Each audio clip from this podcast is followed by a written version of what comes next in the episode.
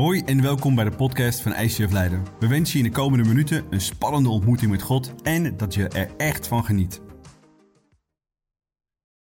Ja, ik zie zo ontzettend uit uh, naar deze message. We gaan deze serie afsluiten. En volgende week dan sterk te beginnen met de Story of Christmas. Um, ik denk dat we allemaal ergens in het leven de vraag stellen: is er meer? Ik heb die vraag lang geleden aan mezelf ook gesteld. Is er meer in het leven? Bestaat God? En als deze God bestaat, kan ik daar een persoonlijke relatie mee aangaan. En wie je ook bent, waar je ook vandaan komt, ergens in je leven heb je de vraag: waar kom ik vandaan? Wie ben ik? En waar ga ik heen? En misschien ken je het, als je geboren wordt, dan doe je er alles aan om op te groeien, wijzer te worden, slimmer te worden, opleiding te doen, om zo snel mogelijk zelfstandig te worden. Zodat je jezelf kunt rooien, zodat je zelf kunt staan, zodat je zelf kunt laten zien hoe supercool je bent. Op een gegeven moment merk je, hé hey, ja, ik heb gestudeerd, ik heb nu mijn eerste baan, ik heb mijn eerste salaris gehad, ik heb mijn eerste huisje. Is er niet meer? En dan gaan we een volgend traject in we gaan misschien een, uh, uh, dromen van een huisje in het buitenland. Of we gaan dromen van een sterkere carrière, grotere carrière, meer verdienen, betere positie, et cetera, et cetera. Om ergens maar het gevoel te krijgen dat het leven er echt toe doet.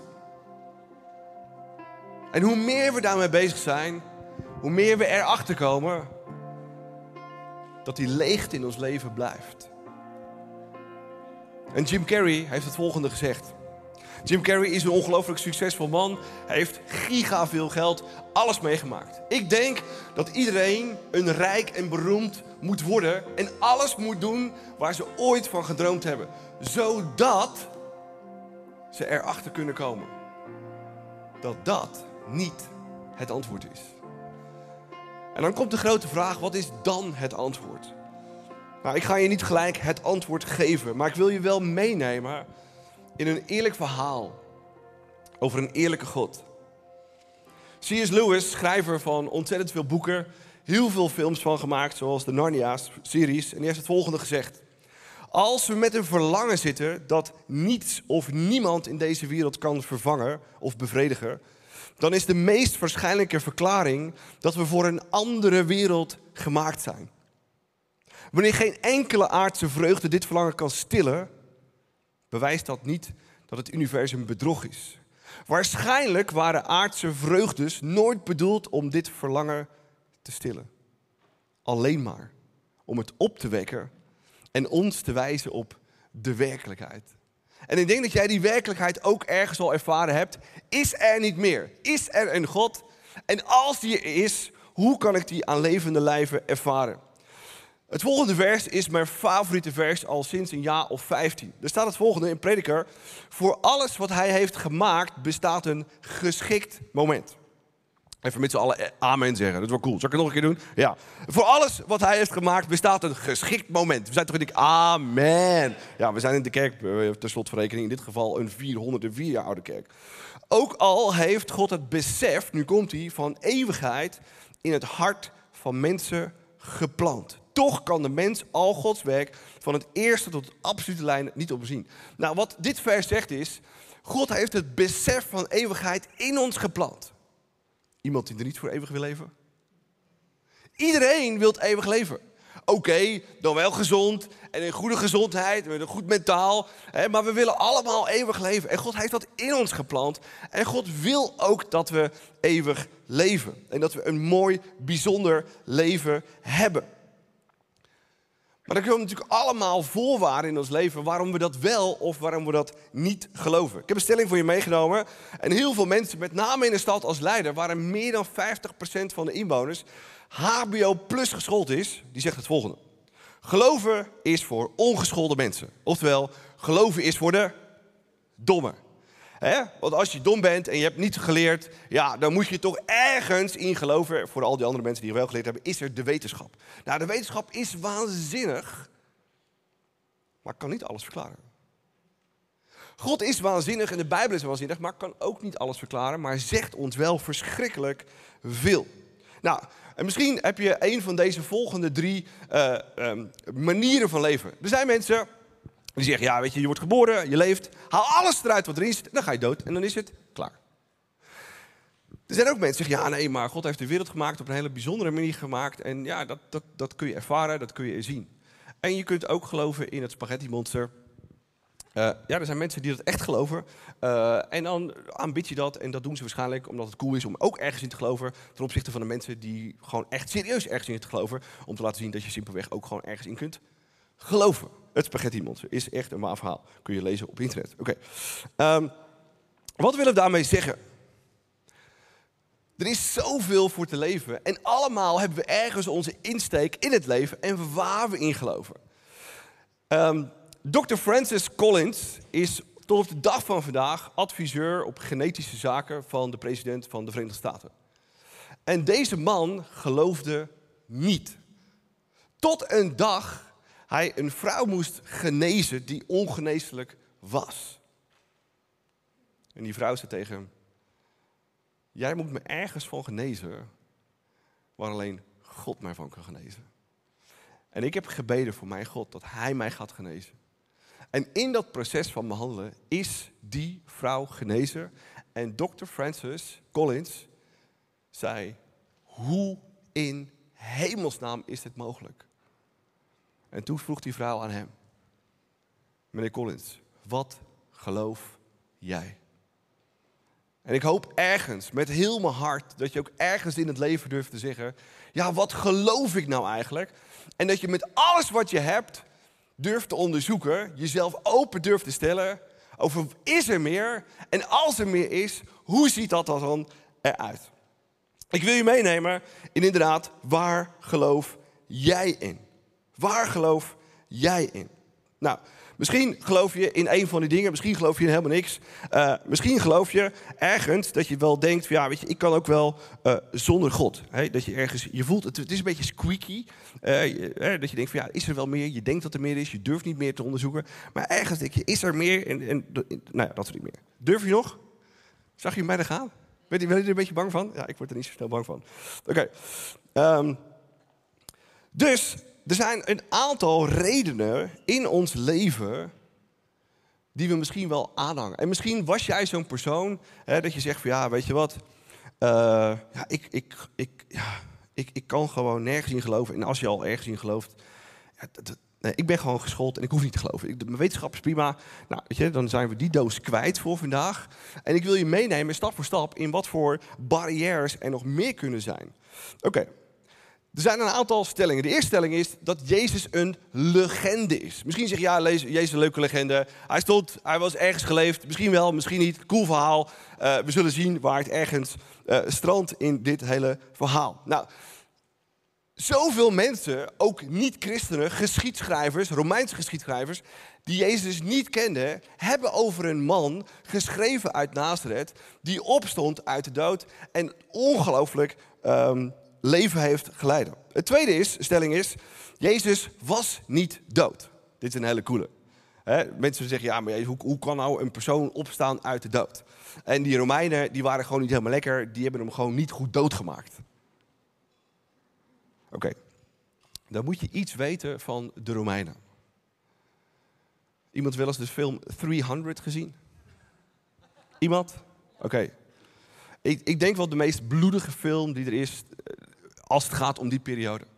De Romeinen waren meesters in de dood. De Romeinen waren meesters in mensen dood maken. En als ze er al geen meesters in waren, God de volgende reden voor een Romeins soldaat. Als je de opdracht kreeg om iemand dood te maken,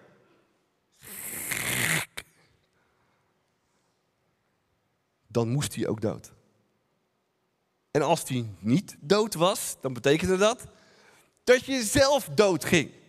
Nou, er waren bij de kruisiging van Jezus zo ongelooflijk veel Romeinse soldaten die de opdracht kregen om deze man dood te maken.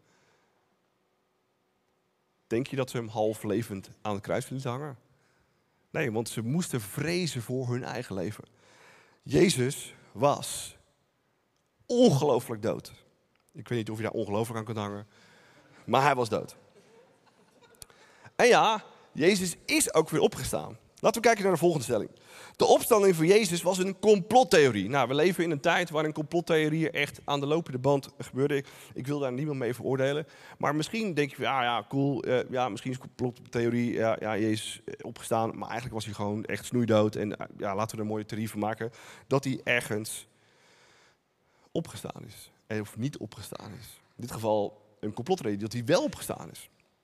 Ik kom daar zo op terug. Maar als je zo'n complottheorie wilt aanhangen, dan zijn er een aantal voorwaarden belangrijk om zo'n theorie te laten staan. Wil je ze weten? Oké, ik ga je meenemen. Het eerste, je moet zo min mogelijk samenzweerders hebben. dus met andere woorden, als je drie mensen hebt die zo'n complottheorie verzinnen, dan kan je dat geheim bij elkaar houden, toch met drie mensen, toch? Iemand wel eens uh, een geheim met z'n twee al willen bewaren en niet lukte? Dat, precies daar heb ik het over dus je hebt maar drie mensen nodig die dat. Want als je er veel meer hebt, kan je zo'n geheim dan bewaren. Forget it. Kun je helemaal vergeten. Kun je helemaal vergeten. Het volgende is belangrijk. Alle personen moeten heel erg hecht met elkaar zijn. Waarom? Want als er iemand komt die dan zegt maar ja, maar die complottheorie voor jullie. Um, en die stelt dan een hele sluwe vraag. Waar je met z'n drieën nu voorbereid bent dan moet je daar natuurlijk hetzelfde antwoord voor geven, toch? Dus je moet heel erg hecht met elkaar zijn. Oké. Eh, het volgende is, uh, komt ie, je moet continu met elkaar in contact zijn. Want als er zo'n vraag dan gesteld wordt, dan moet je hetzelfde antwoord geven. En geef je niet hetzelfde antwoord, einde complottheorie. Jammer joh, game over. Oké, de volgende is, je moet het met elkaar eens zijn.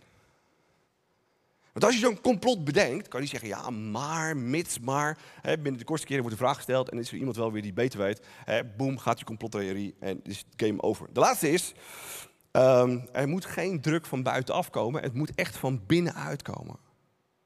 Zodat het echt blijft staan. Zodat het echt gewoon serieus omhoog blijft staan. Nou, laten we een stuk voor stuk even afgaan. Zo min mogelijk samenzweerders. Nou, hier wordt het probleem al een beetje groot. Um, hoeveel volgelingen had Jezus? 12. Min 1, boom, die ging dood. En daar kwam voor terug. Ja, precies, Matthias. Ja, die zit naast je. Oké.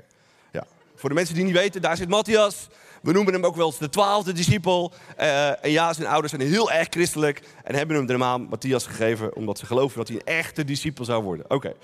Dus hij, Jezus had al twaalf discipelen. Dus het is bijna onmogelijk om het in een klein cirkeltje van drie te houden die zo'n complottheorie aanhangen. Dan komt het volgende probleem. Toen Jezus stierf van een kruis en na drie dagen opstond en veertig dagen later naar zijn vader ging. In die veertig dagen, wat deed hij toen? Was hij toen aan het hemelen in een mooie hemelse bar? Gelukkig, eindelijk ben ik, gelukkig ben ik weg van die, van die vieze, verschrikkelijke wereld. En iemand die, iedereen die we wil verraden. Nee, hij was meerdere keren bij zijn discipelen. Hij heeft ze meerdere keren, I'm back, laten schrikken. Dat ze dachten, hoe krijgt hij dat voor elkaar? Jezus, je was de deur allemaal, de deuren zijn dicht, ik ben opeens binnen. Tot het moment dat er 500 mensen waren waarin die zag. Waarin zij zagen dat Jezus werkelijk leefde. Onmogelijk om de complottheorie staande te houden, als je erin denkt. Oké. Het volgende. Mensen moeten een hechte band met elkaar hebben. Laten we kijken naar de discipelen. Nou, die discipelen, eh, waren dat uh, geschoolde, enigszins geschoolde mensen die heel erg netjes met elkaar omgingen. Uh, die echt een, al een achtergrond hadden van 20, 30, misschien 5, 15 jaar. Totaal niet. Het waren vissers. Er was een belastingambtenaar zat erbij die voortdurend hoppakee alles lekker voor zich hield. En er was ook nog eens een keer Simon de Zeeloot. En dat was een emotioneel typeje. Ken je die emotionele typjes? Ja, dat is echt van die, van die activisten. Oh, Jezus, wat kan ik voor je doen? Zoiets, zo'n type. Ja, als die dan een vraag krijgt, denk je dan dat hij even ging overleggen met de rest? Nee, die gaat boem, vol tegenin. Hè, en dan gaat je dus je complottheorie aan diggelen. Oké, ehm, dus we hebben nu al... Ja, dat is de eerste, eerste doos is weg. Uh, tweede doos, sorry. Ehm, de volgende, gaan we kijken. Je moet voortdurend contact met elkaar hebben. Voortdurend. Hè? Dus je hele leven moet je die complot moet je zien vasthouden, toch? Iemand wel eens moe geworden van zijn eigen leugens? ja, ik wel. Oké. Je moet dus je hele leven dat complottheorie dat Jezus opgedaan, moet je zien vast te houden. En je moet voortdurend contact met elkaar houden. Nou, in die tijd, we hebben het over 2000 jaar geleden, uh, was er nog geen smartphone. Er was nog geen Instagram. Er was nog geen WhatsApp. En er was ook nog niet de vervolging, de nieuwe opvolger van sms waar je een plaatje kunt sturen. Is, was er ook nog niet. Dus mensen konden dus heel moeilijk met elkaar contact houden. Sterker nog, de discipelen gingen op echt ongelooflijk ver weg. Paulus, waar ging Paulus heen? Sorry? Naar Italië toe. Waar ging ongelovige Thomas uiteindelijk heen? India, om daar kerk te starten. Waar ging Jacobus heen? Naar Afrika, onder de Sahara, om mensen over Jezus te vertellen. Waarom deden ze dat, by the way? Omdat Jezus dat verteld had. Hé hey mannen, jullie willen het liefst bij elkaar blijven, supergezellig. Maar hoe cool zou het zijn als de rest van de wereld weet wie ik ben en hoe verschrikkelijk veel ik van mensen hou. En dus gingen ze er vandoor. Dus ook die theorie kunnen we opzij schuiven. Oké, laatste. Geen druk van buitenaf. Als het druk van buitenaf is, iemand wel eens een film gezien, hè, waarin ze uit iemand de waarheid willen sleuren, wat doen ze dan? Hou je dat soort films? Ja, een beetje stroom, tangetje erbij. Dat, dat, daar, daar, hebben we het over. Geen druk. Hebben we hem? Zit op dezelfde pagina? Oké, geen druk van buitenaf. Want als je dat wel zou doen, zeg je: Oké dan. Ja, nee, hij is helemaal niet opgestaan. Hij is nog zo dood als een pier. Dus laten we dat stoppen. Zolang mijn nageltjes er maar niet blijven. Daar hebben we het over. Geen druk van buitenaf. En er was geen druk van buitenaf. Dus we moeten zien dat dat dus niet zo was. Oké. En dan komt de grote vraag vandaag voor mij, voor mijn gezin, voor mijn vrouw, voor mijn kinderen en voor jullie. Waar geloof ik in of waar geloof jij in? En heb je ergens in je leven deze ongelooflijke grote belangrijke vraag echt tijd en energie ingestoken om de onderste steen boven te krijgen? Dr. Francis Collins was heel erg eerlijk dat hij zei van ja, toen ik toen ik die vraag kreeg, waar geloof jij in? Moest ik eerlijk tegen mezelf zijn.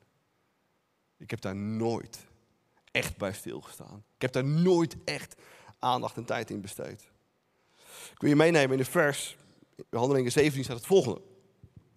Het was Gods bedoeling dat ze hem, Jezus dus, zouden zoeken en hem al tastend zouden kunnen vinden. Aangezien hij van niemand van ons, dus ook hier, ver weg is. Cool vers? Nog een keer. Laten we hem doorzinken. Het was Gods bedoeling, God de maker van het universum,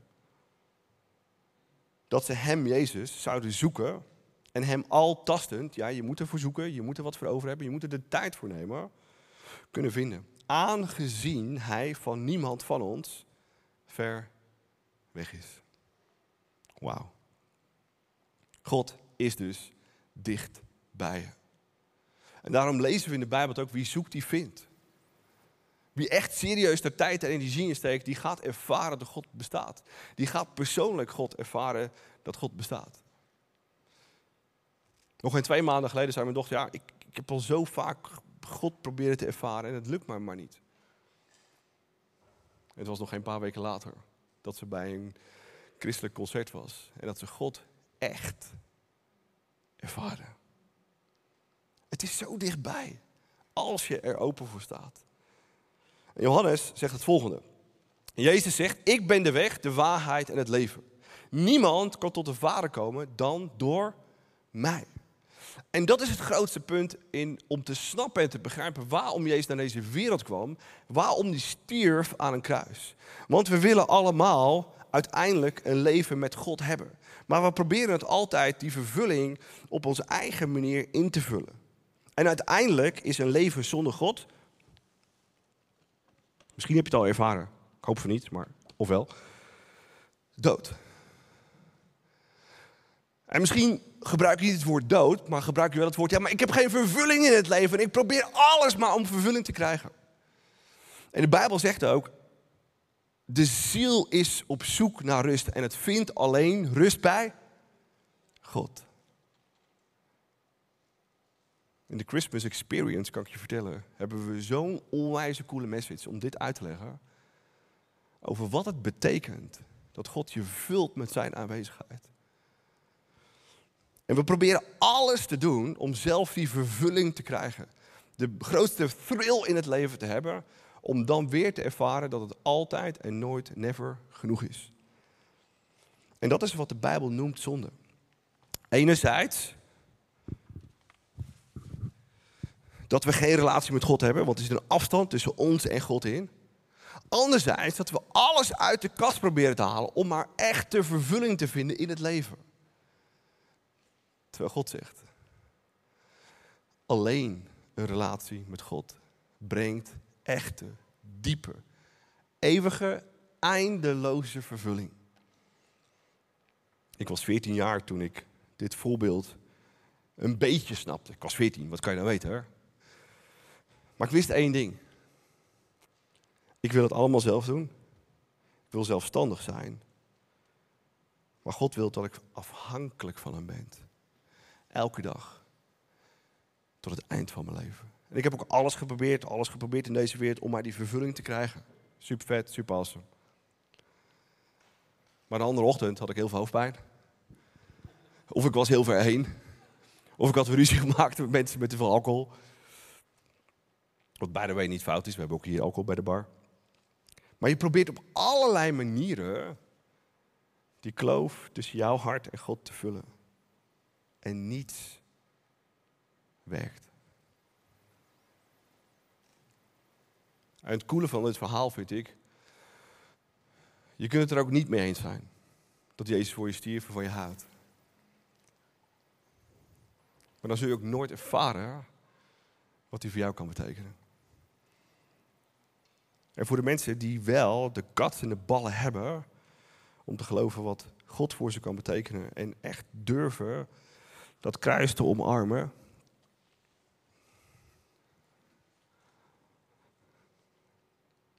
Dat is nog easy geloof. Ik geloof dat er een Jezus is. Je omarmt hem, misschien huil je wel van geluk. Oh, Jezus houdt van je, worship erbij. Woe! Ik vind dat de light versie van Jezus. Weet je wat de moeilijke versie van Jezus is? Als problemen komen in je leven. En dan te geloven dat hij echt wat voor jou kan betekenen. Ongeneeslijk ziek. Een kinderwens van 10, 20 jaar. Of waar dan ook, waar jij al zo mee lang mee loopt. Echt geloof wordt dan op de proef gesteld. Het is easy in God te geloven als het goed gaat. Maar zoveel dieper groei in je geloof als fout gaat en je blijft vasthouden.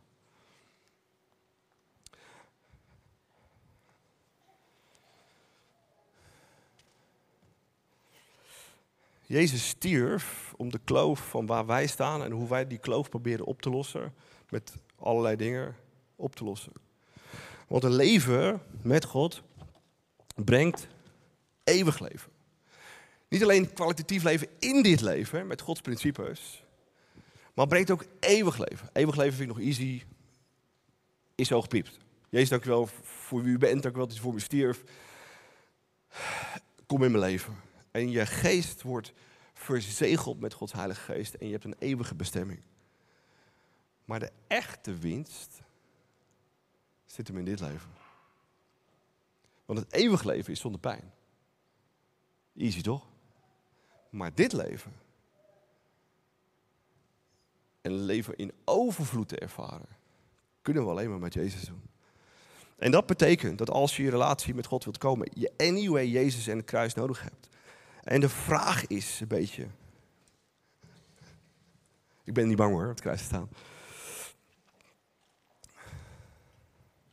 En ik weet dat veel van jullie die hier meekijken of thuis online, al die stap ooit gemaakt hebben in je leven om je leven aan Jezus te geven, waarmee je dus in relatie met God gekomen bent.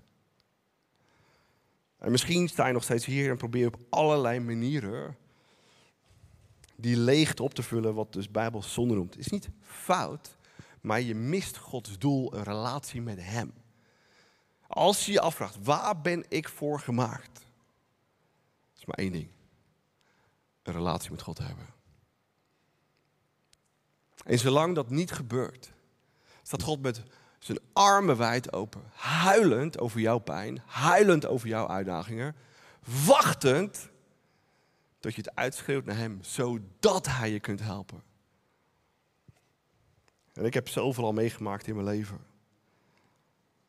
En ik heb de nederigheid in mijn hart moeten vinden om elke keer weer die weg naar God te vinden. Het niet alleen te willen doen. Ik ben natuurlijk wel super hassem. Twee meter, totaal getalenteerd. Easy. Totaal easy om het zelf allemaal te regelen. Totdat er problemen in je leven komen. Of totdat God je een uitdaging geeft om een kerk te starten zoals deze. En je weet, ik heb God anyway nodig. En ik heb zijn wonder nodig. En misschien denk je dat je deze God ook niet nodig hebt, maar God heeft een roeping voor jou.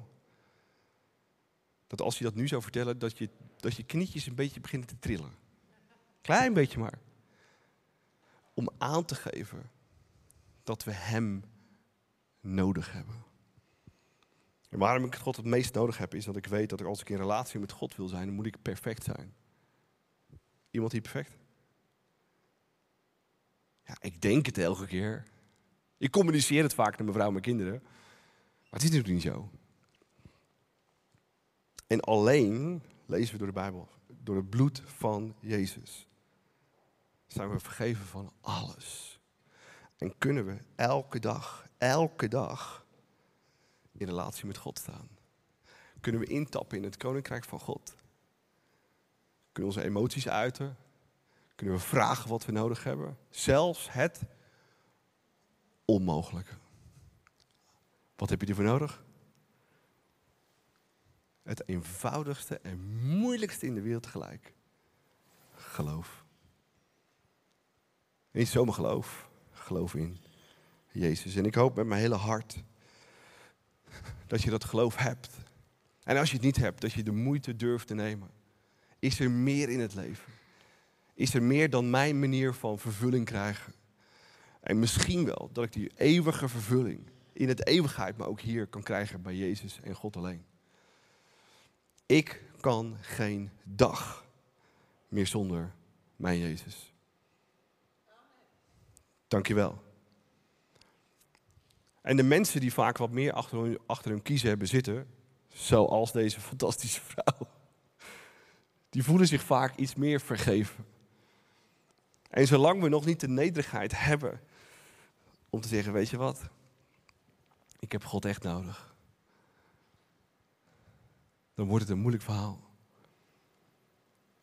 En ik was 14 jaar en ik gaf mijn leven aan Jezus. En mijn leven tot op de dag van vandaag is nooit meer dezelfde geweest. En ik hoop maar één ding met mijn hele hart.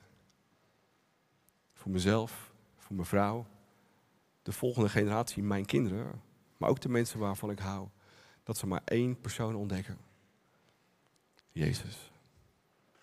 Met zijn onvoorwaardelijke liefde. Die de brug dichtmaakte tussen God en mensen. Mijn vraag van jou vandaag is: waar geloof jij in?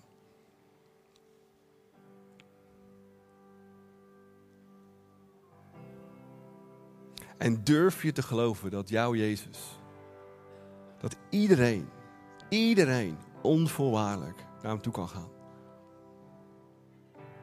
En misschien denk je dat als je doodgaat, dat, dat er een God wacht die je gaat veroordelen, met een vingertje staat. Ik weet dat er maar één God is. En het eerste wat hij doet is mij omarmen. Onvoorwaardelijk, omdat hij onvoorwaardelijk voor mij stierf aan een kruis. En niet alleen voor mij, maar ook voor jou.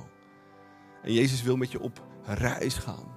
Hij wil in jouw problemen, in jouw dalen, in jouw moeilijkheden, in je hoogtepunten wil hij het met je doen. De rest van jouw leven. Wat houdt jou tegen? misschien zit je hier en zeg je: Oké, ik wil de uitdaging aangaan. Ik wil op zoek gaan. Ik wil hem ervaren. Dan wil ik je helpen in een simpel gebed. En als je wilt, laten we het staan doen. Als je het kunt ook. Om simpelweg met God te praten, want dat is wat gebed is. En tegen God zegt: God, ik, Ik heb u nog niet ervaren, ik wil u ervaren. Ik vind het moeilijk om u te geloven als u toch bestaat. Laat uzelf zien. Misschien vandaag, misschien in de worship, misschien morgen op je werk, misschien in je gezin. Misschien als je een film zit te kijken. Dat je zo'n aha-erlevenis hebt, wat ik vaak heb met films. Of als ik hier in de worship ben. Dat God me zoiets duidelijks laat zien met een gevoel of met een beeld van mezelf of van een ander. Of van wie Hij is. Het maakt niet uit. God wil spreken. De vraag is, luisteren we? Zullen we dat gebed bidden? Wees dank wel voor wie u bent. Dank wel dat u voortdurend laat zien. Toen u hier op deze wereld was. Wat uw hart was. U hield van mensen. Onvoorwaardelijk. Was wars van politiek. Wars van spelletjes. Maar u hield van mensen. En door de eeuwen heen zijn er zoveel barrières gekomen in ons geloof. Vanwege kerk, vanwege christenen en misschien wel vanwege religie, regeltjes. Maar u wilt maar één ding: een relatie. Dat we uw hart leren kennen. Dat we uw liefde leren kennen. Dat we uw genade leren kennen. Dat we uw troost leren kennen. Dat we uw leiding leren kennen. Alles wat we zo hard nodig hebben. Maar misschien bovenal wel het allerbelangrijkste. Echte vervulling. En u belooft in uw woord in Johannes 10, vers 10. Ik kan je leven in overvloed geven. En Jezus durft te zeggen, zoals we hier allemaal staan, dat we allemaal wel ergens een grote of kleine uitdaging in ons leven hebben. En dat we weten dat een oplossing soms maar één vraag van u verwijderd is. En hier nu vandaag willen we de moed hebben. En misschien maar het kleine geloof om uit te spreken. Jezus, als u bestaat, wil ik het ervaren in mijn leven. En als je dat wilt, zeg dan in jezelf. Jezus, ik weet niet wie u bent. Ik weet niet of u bestaat. Maar ik wil u ervaren. Ik wil u zien met een beeld, een woord, met een nieuw gevoel over mezelf. Of een oplossing die komt in mijn situatie. Ik geloof in u. Help me te geloven. Geef me dat geloof. En misschien ben je al heel lang op zoek en weet je dat Jezus de oplossing is. Maar heb je nooit echt de moeite genomen om net zoals je een huwelijksaanzoek doet, of net zoals je iemand zegt dat je van iemand houdt, tegen Jezus te zeggen dat je van hem houdt. En waarom niet nu in je eigen woorden in jezelf, als je dat wilt, te bidden maar mee. Jezus, dank u wel voor wie u bent. Ik weet dat u stier van een kruis om mij te laten zien en te overtuigen dat uw liefde onvoorwaardelijk is. En dank u wel dat u aan het kruis al mijn fouten, al mijn zonden, al mijn twijfels vergeeft. Zodat ik elke dag in relatie met God kan staan. En hem zijn vader mag noemen. Mijn vader. En dat die vader me elke dag wilt helpen in het leven. Moet ik links? Moet ik rechts? Moet ik omhoog? Moet ik omlaag? Moet ik die keuze maken of moet ik die keuze maken? Je wilt onze leider zijn, onze trooster, onze vriend. En precies dat is wat kerk is. En daarom zijn wij vandaag hier. Om simpelweg u te danken voor uw liefde voor ons. Om simpelweg het leven samen te doen.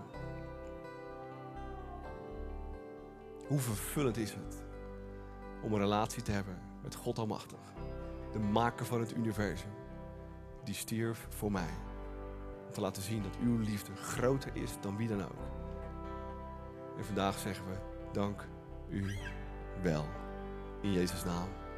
Amen. Wij hopen dat deze podcast je heeft geïnspireerd en verder geholpen heeft in je relatie met God. Wanneer deze podcast je geraakt heeft en je de inhoud ervan wilt helpen verspreiden, deel dan deze aflevering op jouw favoriete social media platform. Op deze manier horen meer mensen over Jezus en deze boodschap van hoop. Je kunt ons ook financieel ondersteunen, waardoor we een maximaal bereik krijgen op het internet en nog meer mensen nieuwe hoop krijgen. Bedankt voor alles wat jij mogelijk maakt. We geloven dat kerk een familie is, dus of je nu live erbij bent of online meeluistert, we willen jou graag persoonlijk leren kennen. Als we jou persoonlijk verder kunnen helpen, dan horen we dat graag. Check voor info en meer mogelijkheden op onze website. Fijne dag.